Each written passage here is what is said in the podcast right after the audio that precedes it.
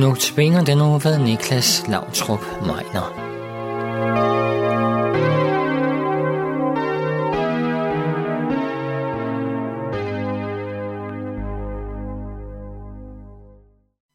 Alting var godt. Sådan læser vi det på de første sider i Bibelen om paradisets have. Gud havde skabt alt, og han så, at det var godt. Jeg tror ikke, vi skal blive for hurtigt færdige med det ord. Alt var godt. For i sig selv er det jo en ganske overvældende tanke, at alt var godt. Jeg tror, ingen af os kan sige os fri fra et ønske, at en eller anden ting her i verden kunne være bedre.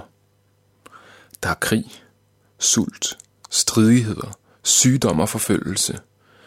Og der er ensomhed, manglende selvværd, åbne sorg i vores menneskelige forhold og vrede. Alt er bestemt ikke godt i vores verden eller i vores lille liv. Men det var det i paradisets have. Gud havde skabt det hele som godt. Fuglene, dyrene, træerne, planterne, fiskene, alting var godt. Der står, at Gud så alt, hvad han havde skabt, og han så, hvor godt det var. Men der er alligevel én ting, der ikke var helt godt. Adam er alene. Det er det første menneske, Adam, der giver alle dyrene navn, men han fandt ikke en hjælper, der svarede til ham, som står der. Derfor skaber Gud Eva. De to mennesker i paradisets have var nært forbundet, og Eva var længe ventet. Adam havde jo gået og søgt efter hende, før hun overhovedet eksisterede. Han havde let efter en hjælper, der svarede til ham. Så Eva var et svar på Adams bøn. Hun var hans partner. En han kunne give sin kærlighed og dele sine tanker med. En som kunne forstå ham og som kunne leve sammen med ham. Og så kommer fristeren, slangen. Og hvad er hans mål? Hans mål er at få dem til at gøre den første egoistiske gerning i verdenshistorien. Hans mål er at få dem til at længes efter at blive som Gud. Da slangen lokker Eva, lokker han hende med drømmen om at være Gud. Og hun spiser af træet, som Gud havde sagt, de ikke måtte spise af. Hun giver også til Adam, og han spiser også. Vi skal ikke undskylde Adam.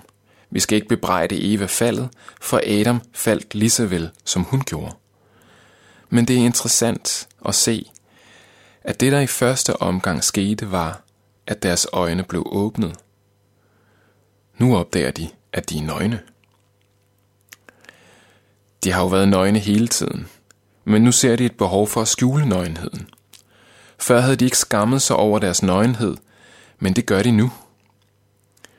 Hvor de før ikke havde været opmærksomme på sig selv, bliver de nu så opmærksomme, så de skjuler, hvem de virkelig er. Søndens første gerning var altså at få mennesket til at kigge indad på sig selv. Søndens første gerning var altså at få mennesket til at tænke på sig selv. Og det fortsætter. For da Gud kommer i paradisets have og konfronterer de to mennesker, læser vi en meget trist dialog. Gud spørger Adam, om han har spist af træet, og Adam svarer, Kvinden du satte hos mig gav mig af træet, og så spiste jeg. Adam prøver med andre ord at skyde skylden på Eva. Han tænker først og fremmest på sig selv og ikke på Eva. Og lad os så huske, at Adam jo længtes efter en at dele livet med. Og da Eva så kom, var han jo glad for hende. Og der var ikke andre. Adam havde ikke den luksus, at han da bare kunne finde en anden. Så sæt nu Gud havde valgt at følge Adams undskyldning og straffe Eva. Så havde Adam været tilbage ved udgangspunktet, så havde han været alene. Det var altså bedre end selv at komme i fedtefadet, at ofre Eva. Sådan tænkte Adam. Sønnen ledte altså mennesker i paradisets have til at kigge ind af.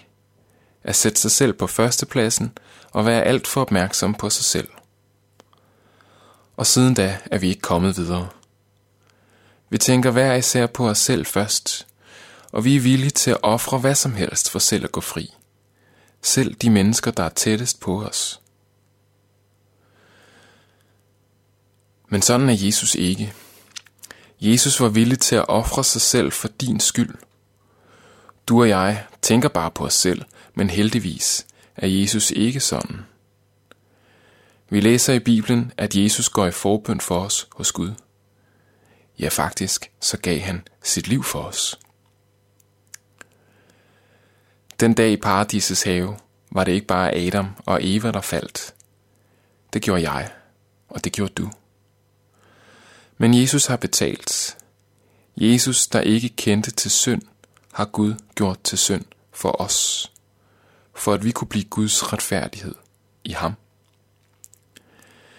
Vi bliver Guds retfærdighed i ham. Vi står rene og retfærdige og himlen værdige over for Gud, fordi Jesus har betalt. Ikke fordi vi i os selv er værdige. Vi er som Adam. Vi ville ofre alt for vores egen skyld. Men Jesus betaler for os og offrer alt for vores skyld. Lad os bede sammen.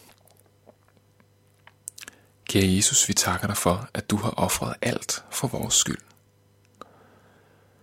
Ofte så er vi villige til at ofre hvad som helst, for ikke selv at komme i fedtefadet. Selv de mennesker, der står tættest på os, kommer vi ofte til og sætte i fedtefadet, sådan så vi selv kan gå fri. Men vi takker dig for, at du ikke er sådan. Vi takker dig for, at du er gået i stedet for os. Amen.